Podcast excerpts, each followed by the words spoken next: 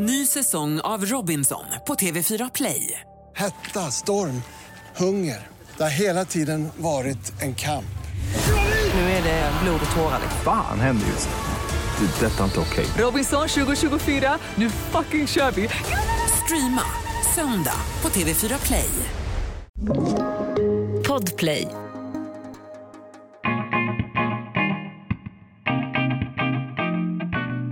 Tiden har varit en bristvara för Martin Melin de senaste åren. Kombinera polisyrket med att skriva böcker, lansera poddar och säga ja till andra roliga projekt och att dessutom vara en närvarande pappa. Det kräver sitt. Sedan skilsmässan från exhustrun Camilla Läckberg har Martin dejtat både oseriöst och seriöst. Men först nu är han redo att träffa sin livskamrat. Den sista kvinnan han vill bli kär i för att sedan älska livet ut. Jag heter Anna Hegerstrand och jag vill önska dig varmt välkommen till min podcast Livshjulet med veckans gäst Martin Melin.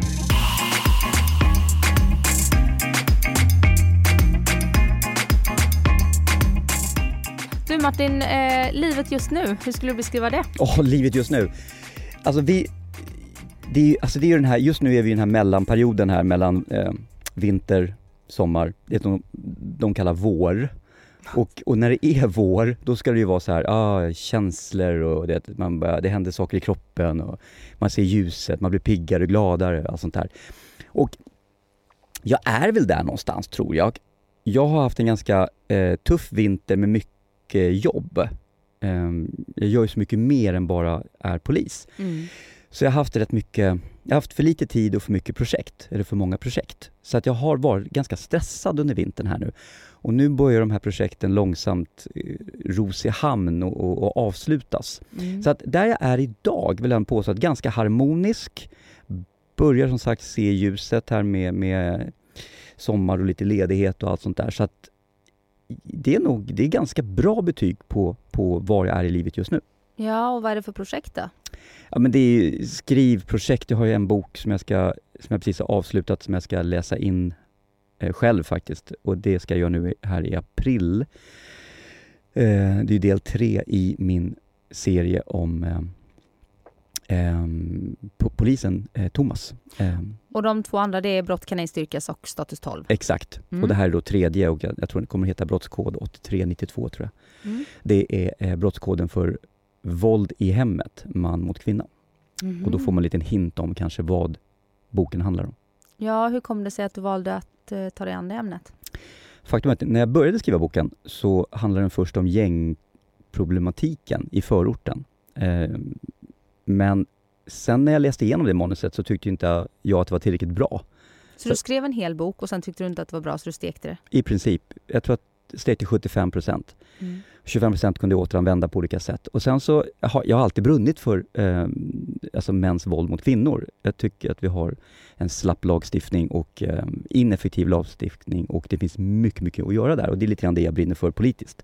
Mm. Men då skrev jag också, tänkte att jag kan lägga in det här i handlingen i boken lite grann om hur dåligt saker och ting fungerar och hur bakbundna polisen är och så vidare. Allt det här.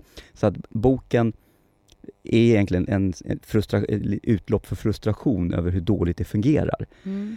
Så att boken handlar ju, kan man, faktiskt, boken handlar om, om, som vanligt får man följa de här poliserna då och deras eh, liv och deras eh, jobb. Men den röda tråden är en kvinna som lever i en destruktiv relation och eh, vad som händer där. Mm.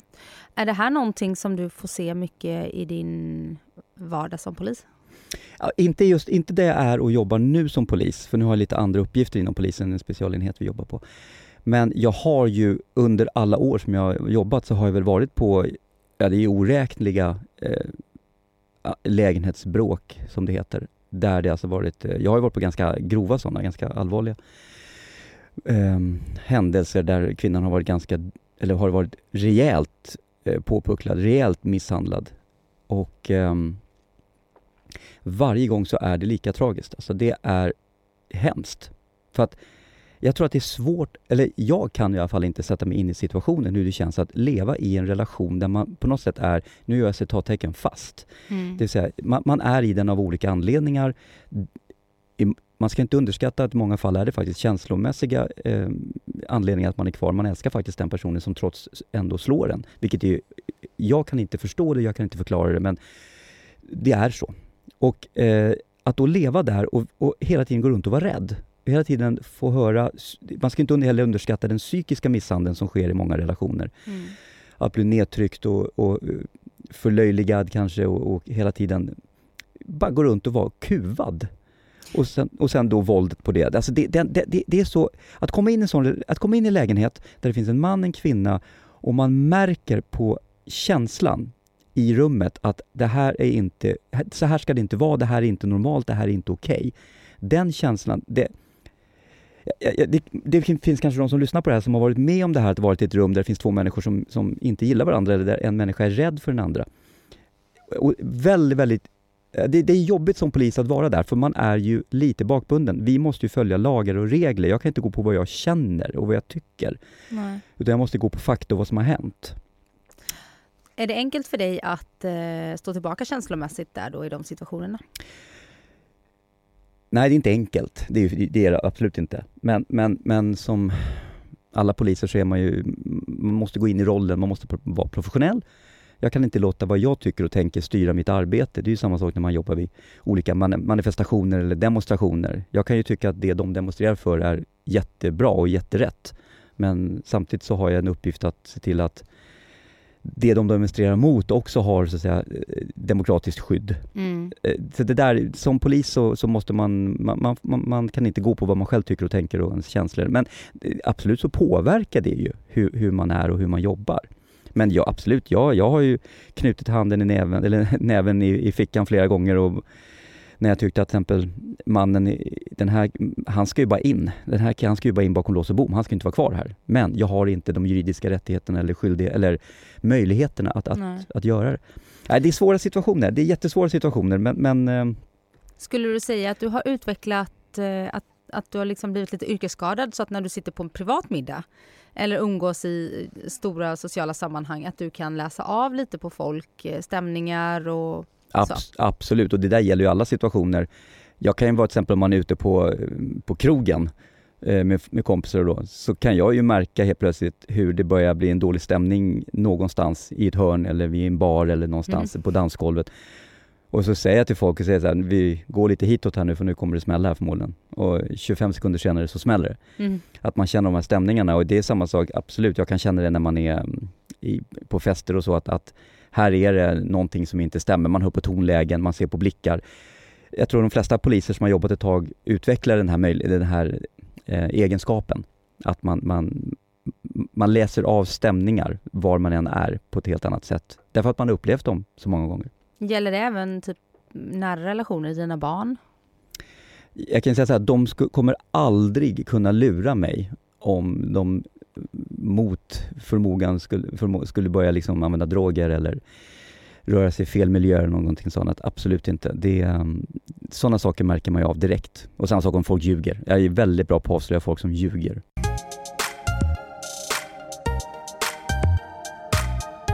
Men du är ju pappa och tre tonårsbarn va? Ja, han blir precis den sista. Är tonåring snart? Jag säger sista. Sista. du säger sista? jag säger sista. Sista blir ju, blir, blir ju tonår här nu i, i juni, just det. Mm. Då kan jag stryka den följdfrågan då. ja, men det, det, den kan jag ju faktiskt haka på. Det, det där är så intressant, för när man är som jag, jag är ju singel idag. Mm, mm. och har varit ganska länge, alltså off officiellt singel? Officiellt har jag varit singel sedan jag skilde mig. Mm. Ehm, och jag har, där jag är idag, singel och jag är ju idag 55 år på pappret, 32 mm. i huvudet. Och fysiskt? Ja, 23. Ja. uh, nej, jag är faktiskt bättre i form idag än vad jag var när jag var 23. Ja, men mm. ja, vi ska prata om det där. Ja. Mm. Uh, nej, men det är idag så, så, så, så, tänker man ju så här, okej okay, om man träffar någon, om man skulle träffa någon, någon tjej som inte har barn och så vill hon ha barn, vad mm. händer då? Det, det, där har jag, det där tänker jag med och det där bollar jag med. Och när jag då eh, ska dejta och träffa folk, folk och träffa tjejer, så uh, finns den där tanken. Skulle du kunna, är du öppen att träffa en tjej som inte har barn? Ja, det är det, jag. Absolut skulle jag kunna träffa en tjej som inte har barn, men ponera att hon är 40. Mm. Och så, så säger hon så här, nej men jag vill inte ha barn. Perfekt. Ja, perfekt ja. Och så, Och sen efter två år så säger hon så här, nej men vet du vad, det vore väldigt mysigt med barn. Och då står man där. Och även fast jag varit jättetydlig med att jag vill inte ha barn och därför, jag eh, har sagt det så här, ja, men varför, varför går jag inte bara och, och klipper, alltså kastrerar, vad, vad säger man? Kast, Eh, ja, kastrera, det är väl djur man kastrerar? vad, vad gör man med, man, eh, man steriliserar sterilisera gör man, just det. Vad, vad, vad, vad är det som gör att jag inte Kastrera bäst. Ja, bara, bara ta bort, då tar man väl bort pungkulorna liksom så här. Gör man inte det på... Ja. Ingen aning. Nej, jag vet inte heller. Men, men jag hade faktiskt en, vi hade faktiskt en travhäst som, som, som vi ägde, vi var sju stycken. Den kastrerade man och då blev den jättedålig, eller han jättedålig. Ehm, I sängen. ja, det, det, ja, definitivt, där kan jag tala om. Där, där var han helt borta. Nej men jag funderar på om man skulle då, vad, vad är det som gör att jag inte går och steriliserar mig? Ja. egentligen. För då är det ju inget snack. Och då, är det, då vet ju också, om man träffar en tjej så behöver inte hon ha den här 3 procenten att kanske. Så att ehm, det, det är klart att jag, jag har faktiskt funderat på det här med sterilisera mig. Att gå och klippa. Jag, har- jag har bekanta som har gjort det. Mm. Och- Och, vad är det som hindrar dig från att göra det? Jag, jag, nej, jag vet inte. Det är bara för tummen ur att göra det faktiskt. Ehm, och för då är det ingen snack. Men drömmen, drömmen, men det ultimata såklart är att träffa någon som har barn. Mm. Såklart. Det är ju det som är det ultimata. Och precis som- du sa i början här, att jag har ju tre tonårsbarn nu själv, så att jag börjar ju kliva ur det här livet med att ha eh, mindre barn, eller små barn. De är ju snart självständiga. Min, min, min, äldsta, min äldsta eh, dotter Fanny, hon blir ju 19 år här i vår. Mm. Alltså, eh, hon slutar i skolan, tar studenten, hon kommer ju ut i arbetslivet, ska flytta hemifrån. Hon är liksom, hon är ju klar. Där är, har inte jag med, med på samma sätt, ja, man är ju alltid pappa och man är alltid förälder, men och de andra två, om fem år är de där. Mm. Så att jag har väl en fem, sju år kvar att då jag är liksom pappa med det ansvaret det kommer med att ta hand om så att säga barn. Sen är jag ju färdig. Ja. Att jag då skulle börja om och vara liksom, sitta på föräldramöten när jag är 70, det är ju liksom, det är ju orimligt. ja. ja, absolut. Eller orimligt, men all respekt till, till äldre, äldre föräldrar, men, eller äldre pappor och mammor. Men, men jag känner inte att jag skulle vilja sitta på föräldramöte när jag är 70. Nej, då kanske du hellre skulle vilja ha barnbarn. Absolut. Och, och, ab- absolut. Och jag tror att jag kommer bli en, en ganska bra morfar och farfar.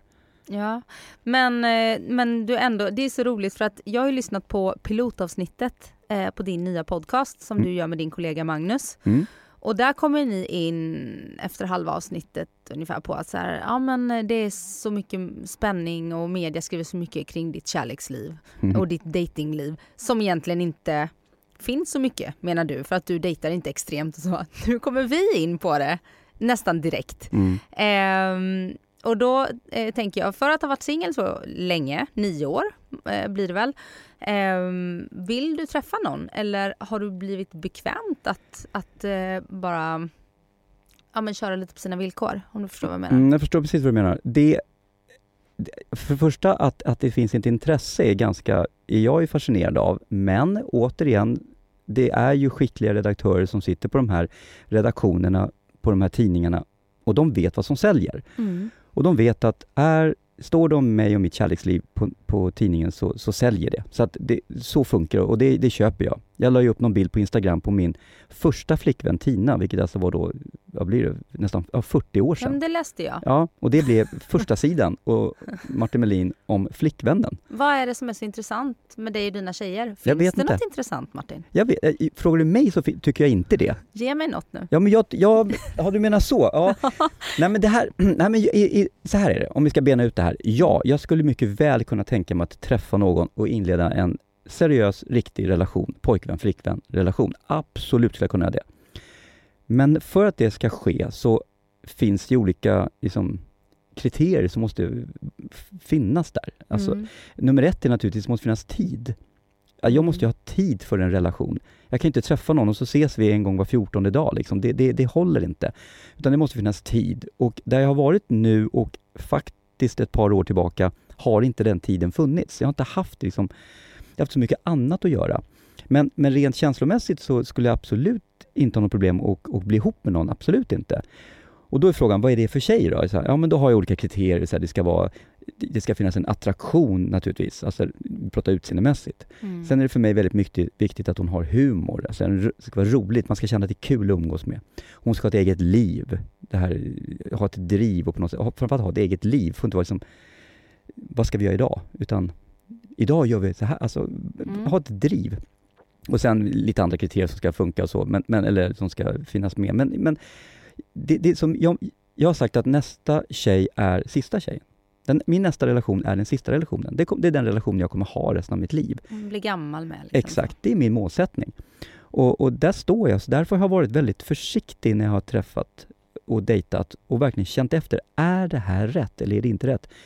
Och är vid minsta tvekan, och då säger man så här, ja men då kan du hålla på så resten av livet, för det kommer, ingen relation är perfekt. Nej, Det är mycket som står på spel. Ja, men, Mm. men, och, och jag vet att inte den perfekta relationen inte finns. Jag vet det, så det, det är inte så att jag är kräsen, och, och absolut inte. Men det ska åtminstone vara liksom upp till en viss nivå och, känna, och man känner ju magen. Och mellan dig och mig, mellan dig och mig Och alla som och, och alla som lyssnar, så är det så att sen jag skilde mig för ja, nio år sedan, ja, Mm. så har jag ju haft, jag skulle säga att jag har haft fyra stycken relationer sen dess. Sen har jag dejtat och så, men jag har haft fyra stycken relationer som, där, jag, där det har varit liksom seriöst på ett annat sätt. Och de har ju varit olika, eh, en olika längd på de här då naturligtvis. Och, På tjejen eller på relation? ja, ja, precis. Det med. På relationen? Nej, då, ja, ja, precis. Jo, de har nog varit, nej, men de har varit ganska eh, gemensamma längd. Nej, men det har varit, ja, men, ehm, det har ju varit liksom upp till, ja men det har varit, skitsamma hur länge det har varit, men det har varit liksom längre relationer. Mm. Och, där, och jag har ju varit kär. Jag har ju varit kär de här fyra gångerna. Alltså riktigt trillat dit. Och, och eh, sen har det liksom av olika anledningar inte blivit någonting, de här fyra relationerna. Det har i vissa fall, i ett par fall berott på mig och ett par fall berott på eh, tjejen. Mm. Men fyra gånger har jag liksom trillat dit och blivit riktigt kär. Men, och sen har jag haft ett gäng där jag har dejtat där det har kunnat blivit någonting men där det faktiskt har fallerat mycket på det här med tiden, att jag inte har haft tid. Kan inte det vara, eller jag bara antar nu, men skulle det inte kunna vara någon slags också försvarsmekanism? Säkert. Eller så här att jag ser till att ha så mycket att göra för då kan jag liksom inte misslyckas med det. Det, det kan nog vara så, säkert kan det vara så. Jag tror inte det dock. Jag tror inte det, för jag har ändå haft de här fyra Mm. relationer. Och det är klart att det handlar om prioriteringar och så. Dock så de senaste, om man ska gå två, tre år tillbaka nu, så har jag haft mycket med barnen att göra också. De går ju i skolan och det är mycket som ska göras där. Och där barnen har tagit väldigt mycket tid ihop med alla de här projekten jag haft som har tagit. Men som jag sa, barnen börjar bli äldre nu. Det tar mindre tid. Projekten håller på att be, gå i hamn. Så att jag har väl snart förhoppningsvis tid att kunna prioritera en relation. Mm. Så att ja, jo, jag är absolut ute efter en, relation, men som sagt, och sen har jag också, det här också, jag har ju gått på pumpen ett par gånger eh, och det gör ju att jag blir, eh, då drar jag mig tillbaka Mm. eh, och sen, du sa att du lyssnade på podden här, det avsnittet, jag tror jag var i pilotavsnittet, jag pratade just om det här min, min blyghet, som, Ja. som är ganska, och där, där, det var många som faktiskt har hört av sig till mig om det där och sagt att Att Men- du, ja, du är blyg, men det tror man ju inte. Nej, men så alltså jag har ju haft det, om man får säga så, jag har ju haft det ganska enkelt hela mitt liv egentligen i relationer till tjejer. Mm. Alltså från att jag var liten och uppåt. Jag har aldrig haft liksom problem och, och, och sådär. Att träffa tjejer, eller få tjejer som man säger och så fånigt. Men att, att Ny säsong av Robinson på TV4 Play. Hetta, storm, hunger. Det har hela tiden varit en kamp. Nu är det blod och tårar. liksom. Fan händer just nu. Det. är Detta är inte okej. Robinson 2024, nu fucking kör vi! Streama söndag på TV4 Play. Ett poddtips från Podplay. I podden Något Kaiko garanterar östgötarna Brutti och jag, Davva, dig en stor dos skratt. Där följer jag pladask för köttätandet igen. Man är lite som en jävla vampyr. Man har fått lite blodsmak och då måste man ha mer. Udda spaningar, fängslande anekdoter och en och annan arg rant. Jag måste ha mitt kaffe på morgonen för annars är jag ingen trevlig människa. Då är du ingen trevlig människa, punkt. Något Kaiko, hör du på Podplay. Därför är gardinerna. ja. Men då har det varit alltid tjejerna som har kontaktat mig. Mm. Eller tagit kontakt med mig. Eller Så du är lite bekväm? Ja, jag vet inte om det är så, ja eller bekväm, jag är ju blyg, för jag tar ju inte kontakt. Nej. Jag gör inte det. Jag, jag Var kommer den blygheten? Om Ja. man vet med sig historiskt sett så har jag varit en eh, kvinnornas man. Mm. Då tänker jag att man får självförtroende från det. Ja men det, det där är så intressant för så fort jag märker att det finns ett intresse Mm. från en tjej, då ha, går mitt självförtroende från liksom fyra upp till, eh, slår i taket. Mm. Då har jag jättemycket självförtroende och då kliver jag fram och då blir jag liksom den här extremt självsäkra Martin och liksom vet precis och så. Men Mm. innan jag vet det där, och, och just det här att, att, då, att då träffa någon, att då sitta, sitta och vänta på att någon ska kontakta henne, sitta och vänta på att man ska träffa någon om man är ute eller gemensamma vänner eller whatever, att det är någon som kontaktar mig. Jag har ju varit på fester och på tillställningar och på privata saker där det har funnits någon om en tjej då och jag har fått, vi har fått värsta connection och det har liksom klickat jättemycket allt sånt här. Men jag tar inte kontakt och sen har jag fått höra efteråt att hon tyckte att jag var jättetrevlig och, och, och, tyck, och liksom trodde att, tog för givet att jag träffade någon annan eftersom jag inte hörde av mig och du vet, vet så här, Mm. har man tappat den chansen. Men jag har faktiskt, ehm, jag vet inte om du minns det och jag vet inte ens om vi ska ta med det här i avsnittet. Men jag Att, har att ju... du skrev till mig och sa hej jag har en tjejkompis. Ja, Jag vet, för jag, jag, jag såg det smset idag för det stod nämligen innan du skrev det. Du svarade ju inte på det. Jag, Jag har ju en kompis som tycker att du är det hetaste som går i ett par skor. ja, Så nu har du ju en invite här. Mm. Jag kan fixa hur lätt som helst. ja, men då är det här med blind dates. Jag, får ju, jag har ett Instagramkonto, jag får ju DM. Hej, Mm. jag, kom, jag ska åka upp från, eh, från Norrköping här i helgen och, och träffa ett par kompisar. Det vore kul att ses på ett glas vin kanske. Jag Mm. får ju många sådana. Och så att, att, att få, få dejter, det, det är inte problemet. Utan, Men nu har du ju en kvalitetsstämpel i mig. Vi känner ju ändå varandra. Du vet ju att jag, jag är en bra tjej. vet jag har förmodligen bra kompisar. Alltså, min syster har hört av sig till mig och sagt att hej, jag, alltså, ja. alltså, jag, och, och sen, alltså jag, har, jag har ju varit på blind dates. Ja. Jag har ju gått på sådana här dejter. Ja. Och så sitter man där och så Matchmaking liksom. Ja, och så känner jag så här, okej, den där människan kände inte mig alltså. Nej. Okej, vi har känt, den här kompisen och jag, vi har känt varandra i 25 år. Han säger att det här är en perfekt tjej för dig, det här är jättebra, du kommer gilla. Och nu sitter jag här och det finns noll. Mm. Förmodligen good on paper, men inte för dig. Nej, och jag har, alltså jag har ju varit på, jag var på en blind date när jag satt på Götgatsbacken och eh, kommer dit och det här är en, det, tjejen som kommer är jättesöt. Det är en jättesnygg tjej. Alltså kryss i den rutan. Mm. Och vi sätter oss ner och vi börjar prata och det tar 15 minuter, det tar en kvart. Och jag bara känner, jag måste härifrån. Jag måste Vad var det härifrån. då som inte klickade? Nej, alltså eh, allt. Bara, alltså sättet hon, på sättet hon var på. Jag behöver inte gå in på hur hon var, men jag bara, Ifall hon lyssnar. ja, sa jag Götgatsbacken? Okej, nej vänta fel, det här var inte, det var på Strandvägen på ett ställe. Ja, skitsamma, ja, ja, jag får ta det i så fall. Alltså det var, ja men det var bara liksom, det var bara allt, det var bara så fel. Men jag sitter där, går in i the mood, liksom, går in i någon karaktär, jag vet inte vad jag gjorde och efter två timmar var det så här, nej men nu måste jag gå så här, ja, kram och hej så gick jag. Det tar en timme, sen får jag ett sms av henne där det står så här, gud vad härligt vad, vad vi klickade. Mm. Och jag bara känner bara nej! Ja.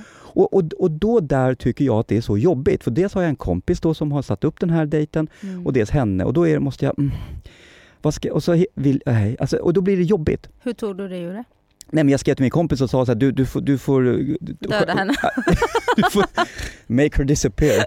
Nej men du får sköta det här så här. du får hitta på vad du vill, så- men säg att jag träffar någon annan eller säg vad du vill, bara lös det. Jag vet inte, hon hörde inte av sig i alla fall. Nej.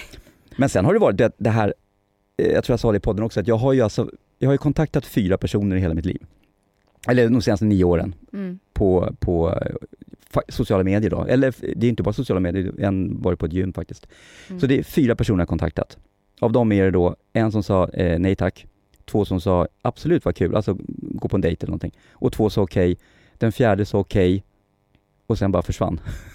Ja, så du har inte haft jättestor framgång. du ser ju! Och det är det bättre här, att låta dem komma till dig. Ja, för det här gör jag, då, då, då, då hör inte jag av mig. Mm. Då, då gör inte jag det. Då, då, alltså, Och då tar du inte på självförtroendet heller när du får ett nej. Nej, nej, nej, det tar inte, det tar, nej, det tar inte på självförtroende, men, men jag känner mig bara så här dum. Mm. För jag, och det är samma som på krogen, jag ser, man ser ibland killar som är framme och snackar, vet, de är, de är så här efterhängsna, man ser tjejerna suckar och himlar med ögonen bakom ryggen på dem liksom, och de kör på. Jag vill inte vara den där efterhängsna, Nej. jobbiga killen som bara hänger på, utan då är det mer så här, visa, visa mig att du har ett intresse. Mm. Och som jag brukar säga, var rak och tydlig, ha inget spel.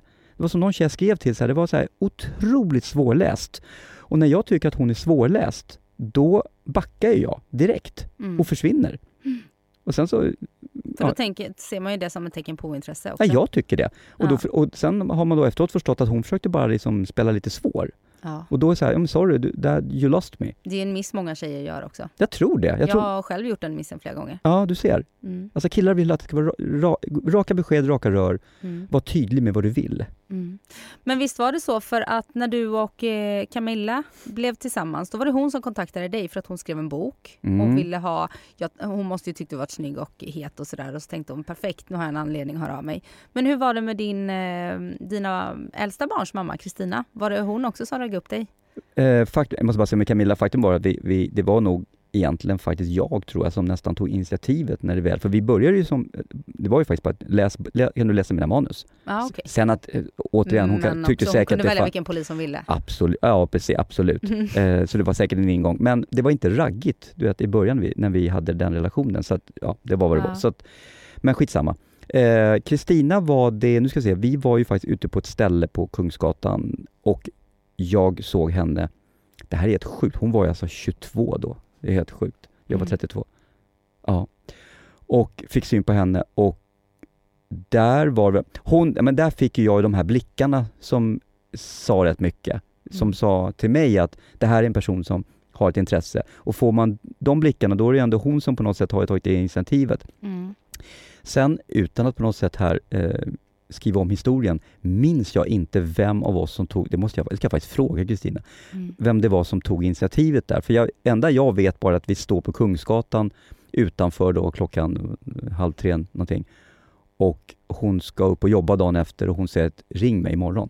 Så att ehm, där tror jag nog att det var, om jag känner mig själv rätt, så fick jag de blickarna och de, det kroppsspråk Mm. som sa att eh, hej, Du kan köra på nu. exakt, kom och prata med mig, kom och häng, kom och ragga på mig. Mm. Du, är, du är ju känd för att ha en bra relation med dina exfruar. Hur är, har du fortfarande det? Det var ju ett tag sedan vi träffades du och jag. Precis, nej men jag har fortfarande väldigt bra relation med både Kristina och Camilla. Och Eh, de med varandra. och de med varandra, absolut. Sen är det så att Kristina och jag, vi hänger ju, vi ses ju flera gånger i veckan. Alltså hon bor ju 400 meter från mig.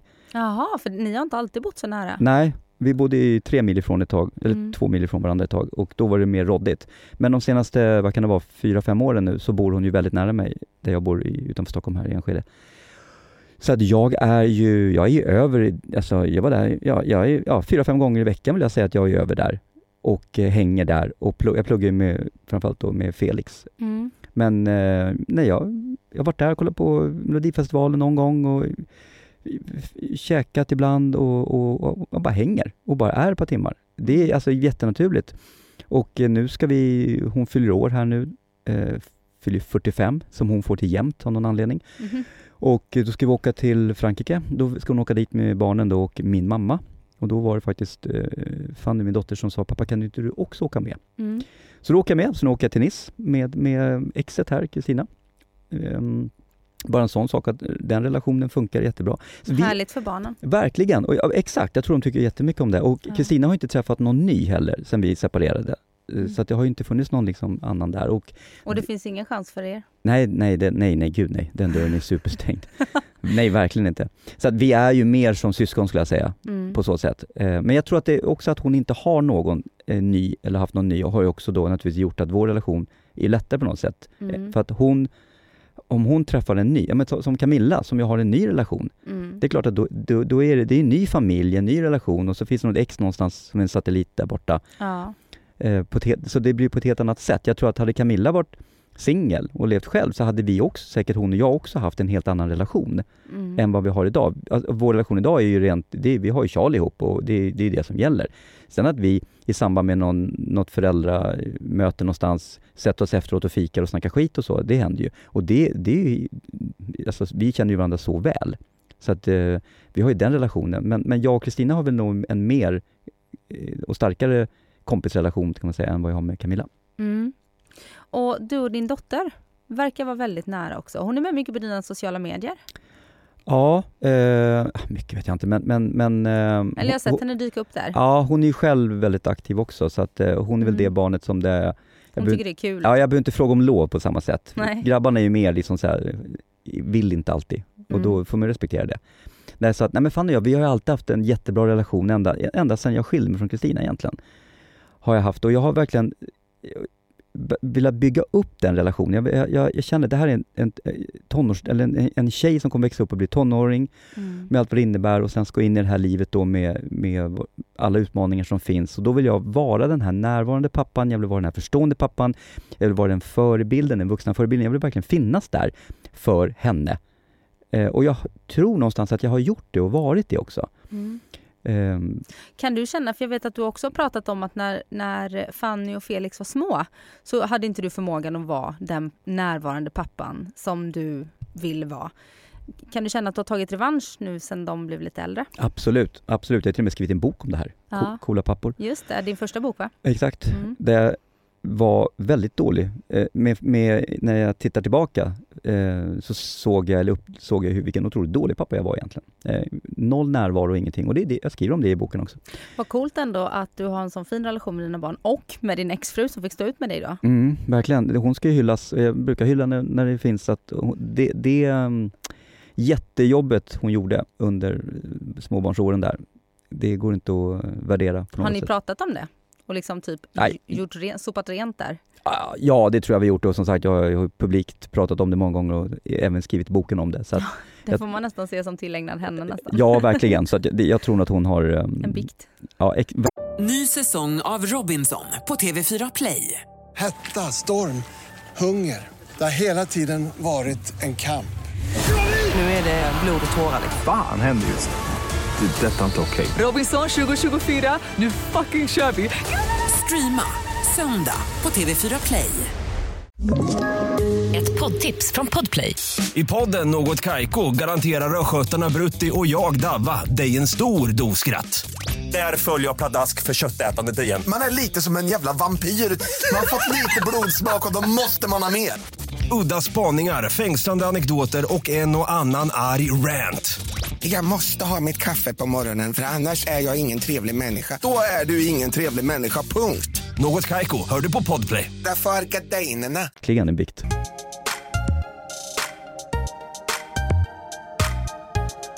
Hur tänker du framöver? För polisyrket har ju funnits som en röd tråd. Du slog igenom i Robinson för 25 år sedan när du vann den första Robinson och vart en liksom mediaprofil, författare. Du har, ja, men, du har haft två parallella karriärer kan man säga. Och polisyrket har ändå funnits där hela tiden. Är det någonting du känner att du kommer ta med dig ända i mål?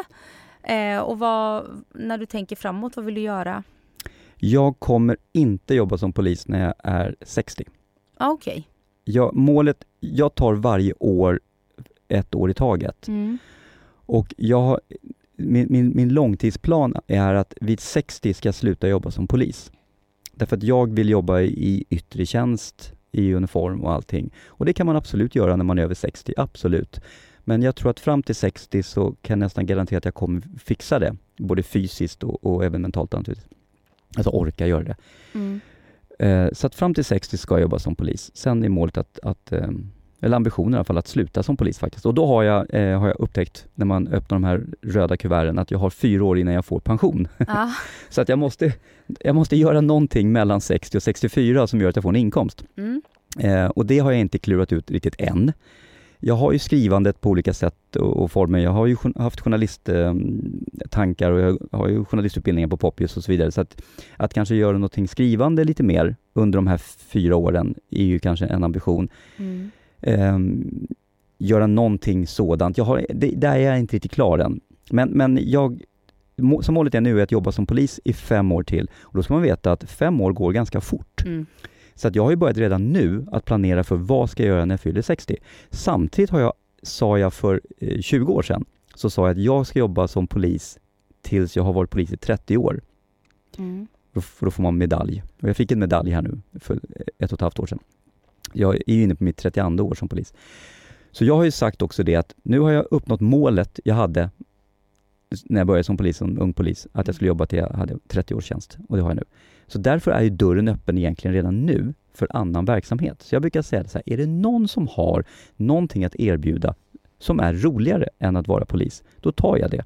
Har jag fått erbjudanden? Ja. Har de varit roligare än polis? Nej. Och du gör ju också andra saker vid sidan av. Ja det gör jag verkligen, absolut. Eh, men Så åt, att du har inte behövt välja. nej verkligen hittills. inte. Men, men samtidigt, ah, egentligen har jag lite fått välja faktiskt. För det finns saker som jag inte har kunnat göra vid sidan om på grund av att jag är polis. Eh, och naturligtvis har jag också jobbet inom polisen har ju stått tillbaka vissa saker på grund av att jag gör saker vid sidan om. Så att lite grann har de påverkat varandra där negativt kan man säga. Men, men i det stora hela så är det den perfekta världen, absolut. Mm. Men, Och vad skulle det kunna vara som är roligare än att vara polis? ja, det är det jag säger. Och jag, jag, hit me, så, så, så tar vi en diskussion. Men, men, men absolut, vore, det vore klart vore en dröm att kunna leva på att skriva. Det är klart, det vore ju jättefantastiskt. Eh, jag tycker ju om, eh, jag har alltid varit intresserad av radio. Eh, podden är ju väl den nya radion. Jag är väldigt intresserad av, av, av det forumet. Mm. Hasse Brontén, han har ju verkligen förvaltat sin poliskarriär trots att han slutade mycket tidigare. Han blev ju ståuppkomiker och nu driver han ju en podd som heter Snutsnack. Snutsnack, Mm. ja, som ligger på samma plattform som jag gör, som det går jättebra för. Ja, jag har faktiskt en, en em, idé om att göra en eh, dokumentärpodd eh, som har med eh, krim, eh, att jag göra. tänker allt det du har fått vara med och Mm. se i ditt jobb, bara Ja. det du berättar här. Jag vet, men det känns som att där har Hasse den pucken och den bollen lite grann, eh, och, ah, vilket han förvaltar väldigt väl. Han Mm. pratar med poliser som, om, om upplevelser och så. Och jag skulle kunna göra det också, men jag har en lite mer att jag vill jobba mer. Men det, grejen är att eh, och, jag är lite inne på att nästa år eventuellt ta tre månader känslighet eller sex månader känslighet och göra det här. Men då måste jag finansiera det på något sätt. Och för att det här, att göra den podd-dokumentären som jag funderar på, Mm. sex avsnitt, är en heltidsjobb. Det är ingenting jag kan göra vid sidan om bara. Eh, utan det är så mycket research som måste göras, det är så mycket resor som måste göras och det är så mycket liksom, intervjuer som måste göras.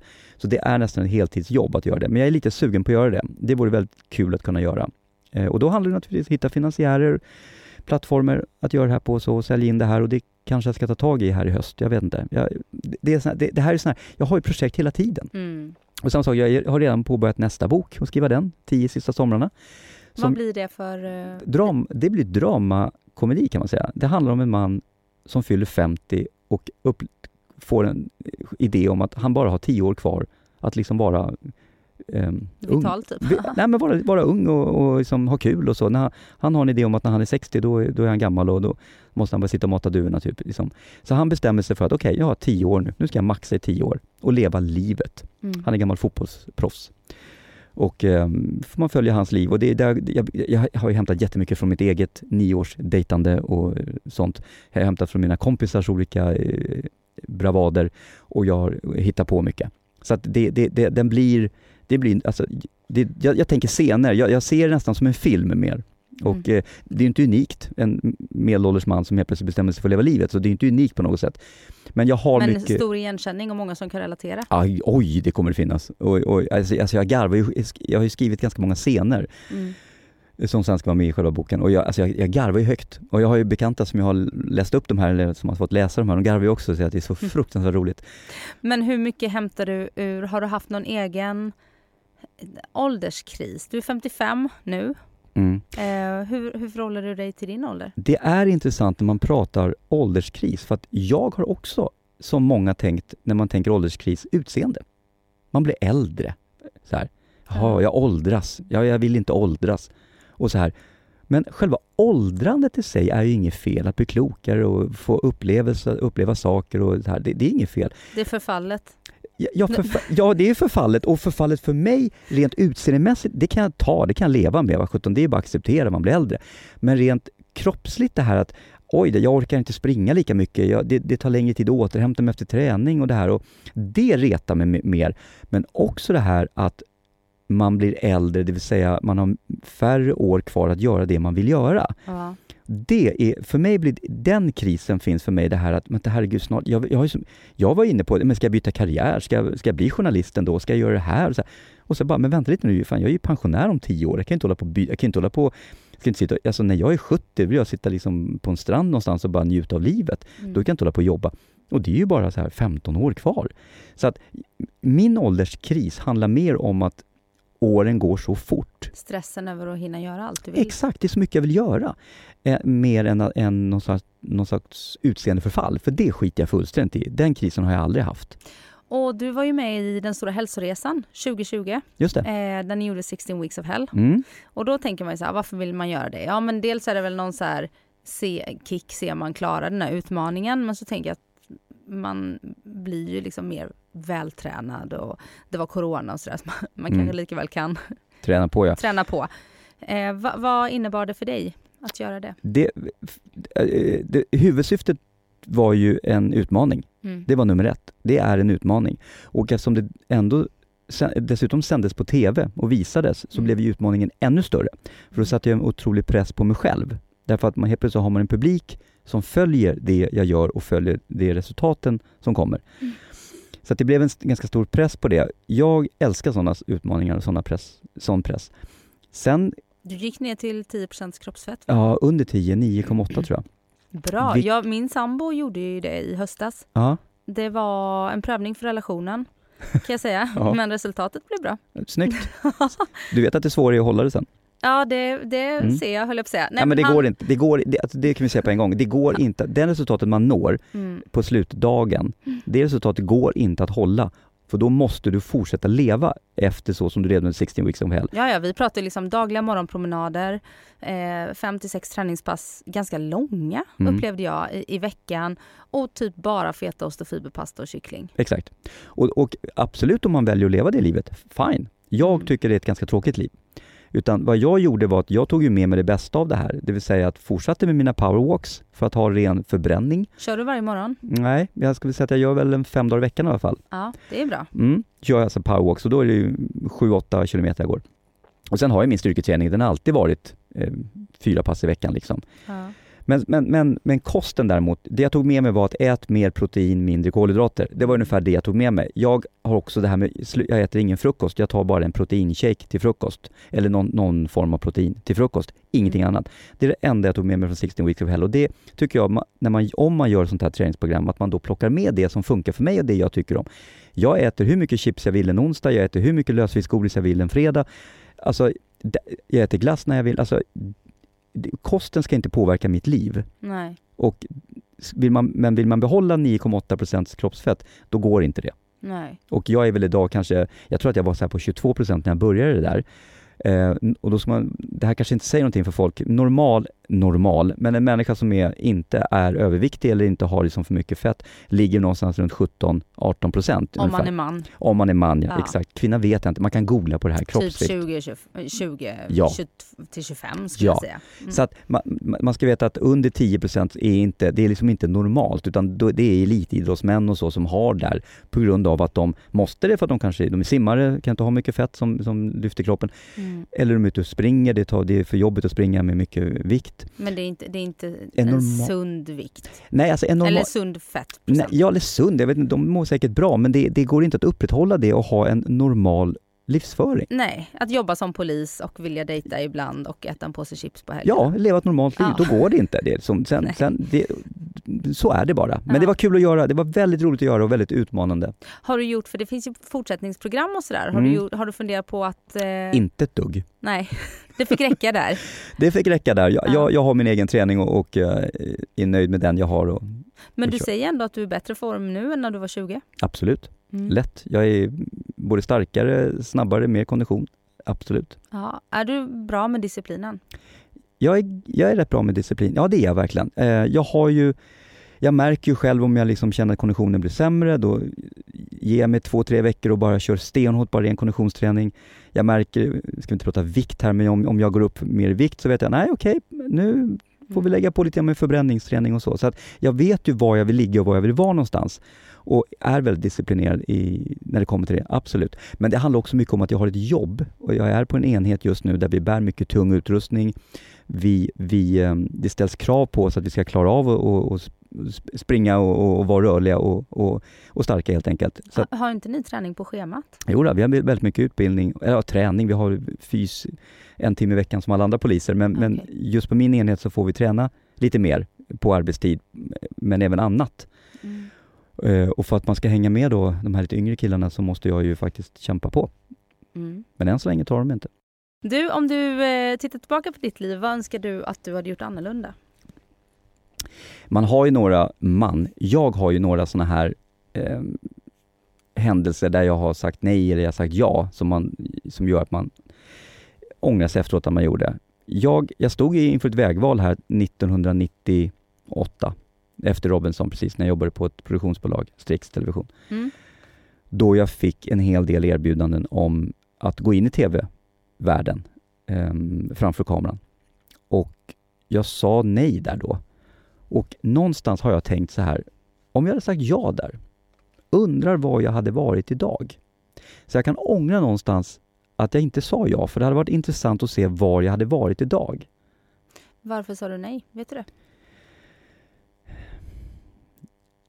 Jag vet faktiskt inte riktigt varför jag sa nej. Det var väl att jag... Jag var, jag var så inne på att jag skulle vara polis. Mm. Jag var så inne på det. Jag hade varit polis där då i sju, åtta år. Och jag var, det, var bara, det var det som gällde, helt enkelt. Det fanns inget alternativ och jag, jag, jag, jag såg inte mig själv att jobba i tv-branschen. För att, ja, jag, jag såg bara inte mig själv som någonting annat än polis. Skulle du vilja jobba med TV nu? Skulle det vara roligare än, än polis? Skulle det kunna få dig att sluta med polisyrket tidigare? Ja, alltså jobba, jobba med TV innebär ju mycket. Det är roligt att Ja. jag i samband med Let's Som Dance... gästbokare Ja, ja precis. Ja, men, ja, nej, men det innebär inte bara programlederi utan, utan det är så mycket annat som Säg är att du roligt. skulle få en egen talkshow. Talkshow. Ja men det skulle jag ta lätt, för det, det, då, är det, då har du redaktion som jobbar åt dig så att säga och du behöver egentligen bara leverera det som någon Mm. serverar åt dig. Så det är ju ganska enkelt, ska jag inte säga att det är. Men har du en, en, är du en person som har en feeling att kunna prata med folk och, och ha en, en och få folk att prata framförallt, så, Mm. så, så är det en perfekt roll. Men för mig jobba med TV innebär också, när jag var med i Let's Dance här förra året så kom jag i kontakt med olika producenter och så och då sa jag just det så här, du när ni spelar in Robinson här, jag, jag är gärna med och jobbar med Robinson Ja. eh, som eh, reporter eller inslagsproducent eller så vidare. Ehm, nu sa jag väl det, nu tror inte jag den personen uppfattade att det var allvarligt, men, men det är Mm. sånt säger sak jag skulle kunna göra. Att Mm. vara iväg och jobba. Att jobba alltså i en produktion, Det är rätt slitigt. det är jätteslitigt. Mm. Men jag skulle kunna tycka att det var kul. Och jag skulle kunna ta tjänstledigt ett år från polisen och, och hoppa på en, två eller tre produktioner och jobba. Men då är det då som, som reporter, redaktör eller inslagsproducent.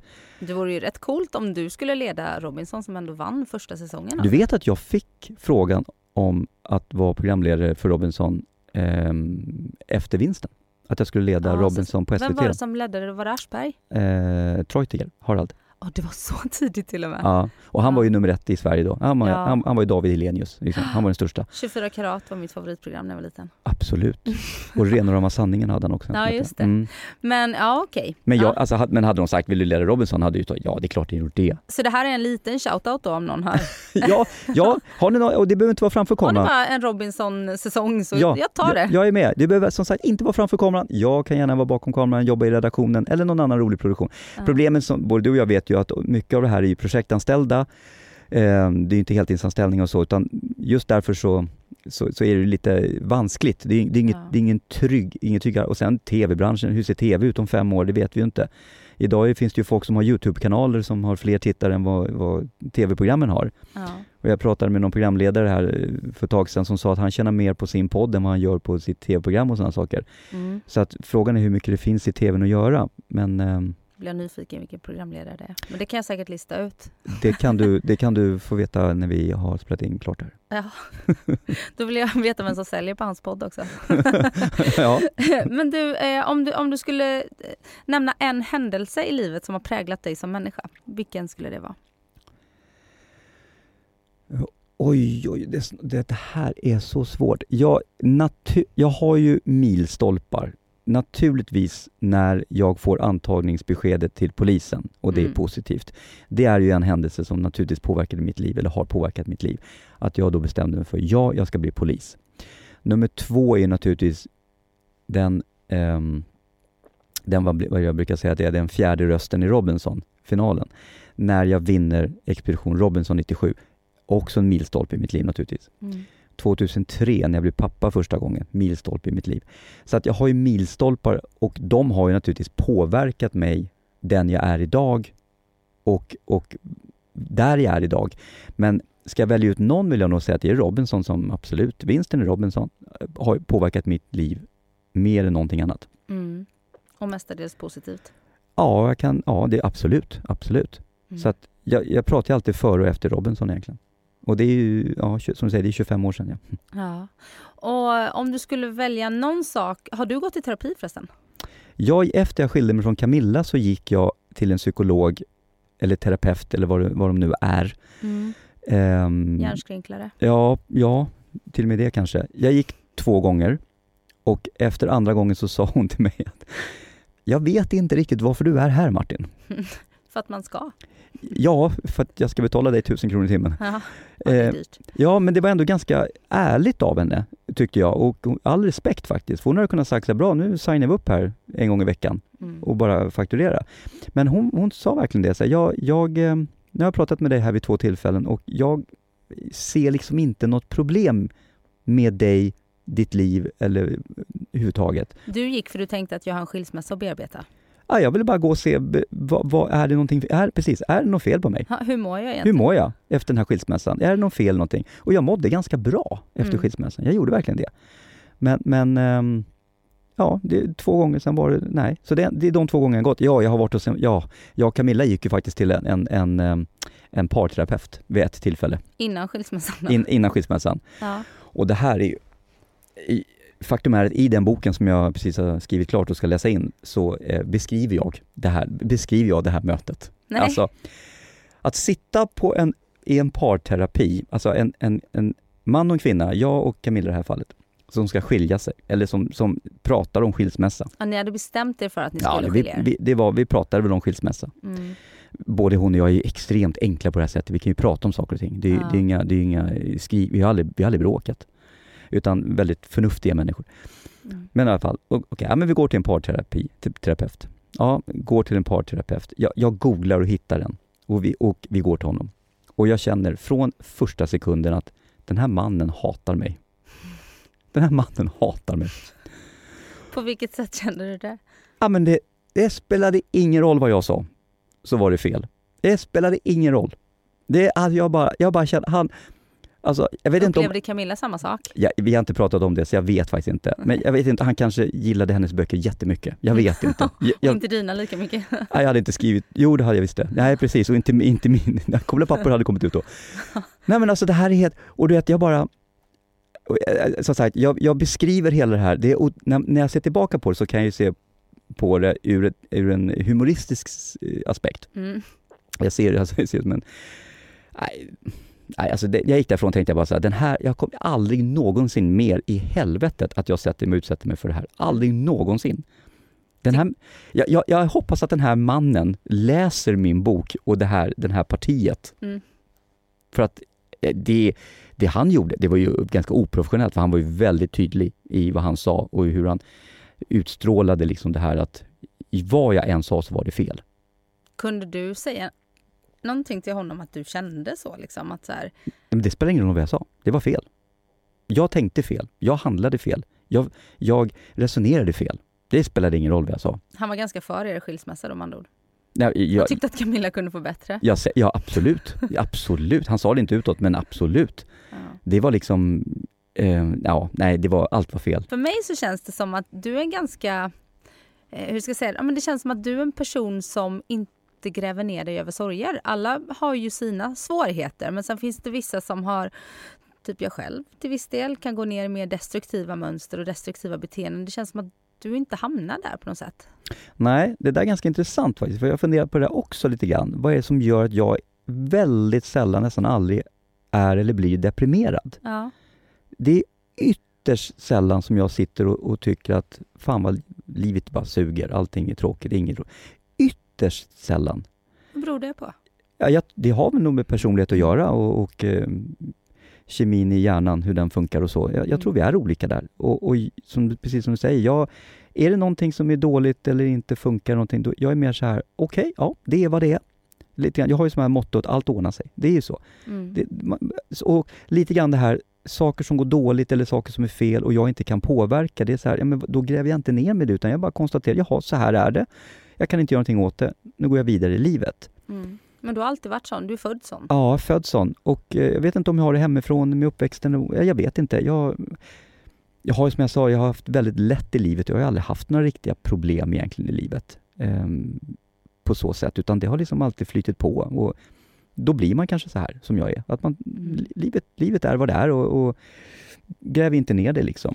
Men sen, nej, eh, det är ju jättehärligt att du säger att ja, men jag har haft det lätt i livet. Men många då som kanske har gått igenom två skilsmässor, skulle, alltså en skilsmässa Mm. kan ju vara en större eller mindre kris för olika personer. Vissa gräver ju ner sig och det tar, kommer aldrig tillbaka liksom, efter en skilsmässa. Så att jag, du verkar eh, ha väldigt lätt att förhålla dig på ett sunt sätt till, till dina motgångar helt enkelt. Jag tror att jag är väldigt eh, pragmatisk, är väl ordet kanske. Att, att jag, jag är så här, det är vad det är. Det är vad det är. Gud vad skönt. Jo, jag vet. Och, och som sagt, all respekt till, till, till, till människor som måste bearbeta känslor på ett helt annat sätt. Mm. Då, ja, man kan också säga så här, okej, är du känslokall då Martin? In, har du, saknar du empati och så? Verkligen inte. Jag, herregud, jag gråter när jag hör låtar som jag förknippar med eh, situationer, platser eller människor. Jag, jag, jag gråter jättelätt framför TVn. Så fort jag ser förlossningar på TV så gråter jag. Kan inte se förlossningar på TV, jag gråter direkt. Mm. Ehm, jag, jag var på Let's Dance här och såg liveinspelningen senast här. Börjar nästan gråta när jag ser eh, Aron, han som sitter i rullstol som Ja. dansar. Ja, när de gjorde sin dans och höll på och efteråt, och den satt perfekt och jag satt så pass nära, jag ser hur han blir så emotionell att den, att den satt. Så jag fick nästan tårar i ögonen. Mm. Så att, jo då, jag är empatisk och en väldigt, väldigt känslofull människa, det är jag. Mm. Men jag är också en människa som är pragmatisk och tänker rationellt mer än känslomässigt kanske. Ja. Eh, när, du, när du nämner Arons namn, han la ju ut, jag tror jag läste på om det var LinkedIn, eh, att det var en person som hade skrivit till honom och varit så fruktansvärt elak. Eh, ett riktigt så här, troll. Eh, att så här, du hör inte hemma i Let's Dance, eh, du kan inte ens ha taskigt fotarbete. Nå, alltså det handlar om att han eh, sitter i rullstol och han ska inte vara i Let's Dance. Trycka ner honom. De Mm. tyckte att du, här, här är han lite för glad liksom. Och du har ju också, du la upp ganska nyligen ett eh, Instagraminlägg eh, till dina nättroll. Eh, får du mycket hat via Nej, sociala medier? nej, jag får extremt lite hat, extremt lite. Jag kan, nej, jag kan säga att jag får, alltså direktmeddelanden, jag kanske får två direktmeddelanden i månaden. Som är liksom rena elakheter. Och inte sällan märker jag att det är en person som har skrivit elakt tidigare. Mm. Så det, det är alltså en person som har en hang-up. Mm. Och samma sak de här små pikar man kan få ibland av, av vissa. Jag, det, det bekommer mig inte, jag bryr mig inte. Och samtidigt så vet vi ju, vi har ju alla har vi ju sett Aschbergs program här, Trolljägarna på TV, när de Mm. söker upp de här. Och vi ser ju att det är ju, det är, det är ganska trasiga människor de här, alltså det, Ja. vet, det, det är synd om dem. Så att jag brukar säga, när, man lä, när du ser en kommentar eller du får ett meddelande på något sätt, ett mejl kanske, från en människa som är ren elak, som Aron fick här till exempel Mm. då, då tycker jag att man, då, då ska man nog tänka så här. Det där, den som skriver där, är en trasig människa. Mm. Det är en väldigt liten, liten människa här på jorden. Det är egentligen synd om den här människan på ett sätt. Exakt, det är inte mig det är synd om, det är den människan som skriver det här. Ja, men den personen har ju ett jätteproblem. Mm. Och samtidigt så, Aron, det är du som är inför två miljoner människor och dansar och har kul. Inte Mm. den där personen. Mm. Så, man måste tänka så. Mm. Att, att inte ta åt sig om någon säger elaka saker. Och jag har ju tagit det som en sport, att när folk skriver halvpikiga, halvelaka kommentarer, att jag då svarar på ett roligt sätt. Att jag Mm. nästan gör lite narr av dem. Att jag nästan Ibland känner jag mig själv att jag vill vara mer elak än vad jag är. Att skriva Mm. elaka saker, man ser hur de ser ut eller man ser hur deras konto ser ut och så. Mm. Och, eh, men då känner jag så här, nej jag ska inte, jag, jag ska inte Sjunka. Nej, jag ska inte sjunka lika lågt som dem, att bara gå på så, utan jag försöker vara finurlig i, i min i min, i min hämnd så att säga på något sätt. Försöker Mm. göra det på, med, med finess. Ja. Du Martin, Mm. vi har, eh, ska runda av här. Oj, har det gått så fort redan? Det har gått så fort redan. Jag märker att jag avslutar lite abrupt. Men eh, det är det där med tiden du vet. Jag vet hur det Eh, är. Och jag vet för du och jag har ju också försökt eh, få till den här poddejten ett tag och pusslat med tider. Så jag är så glad att du ville ta dig tid och, och dejta mig i studion en timme i alla fall. Och du vet Anna, att det är alltid lika roligt att komma hit när, när, när det är du. Ja men åh vad glad jag blir. Och nästa gång när jag skickar ett sms så har en bra tjej så måste du svara i alla fall. Jag lovar att svara nästa gång Jag var lite tipsig, annars hade jag aldrig hört av mig och skämt ut mig sådär. Men, men. men. Så, så, bli inte tipsig igen. Nej, det kommer jag bli. Det är snart sommar. Ta hand om dig nu Martin och lycka till med allt. Tack snälla, detsamma. Hej då. Hej.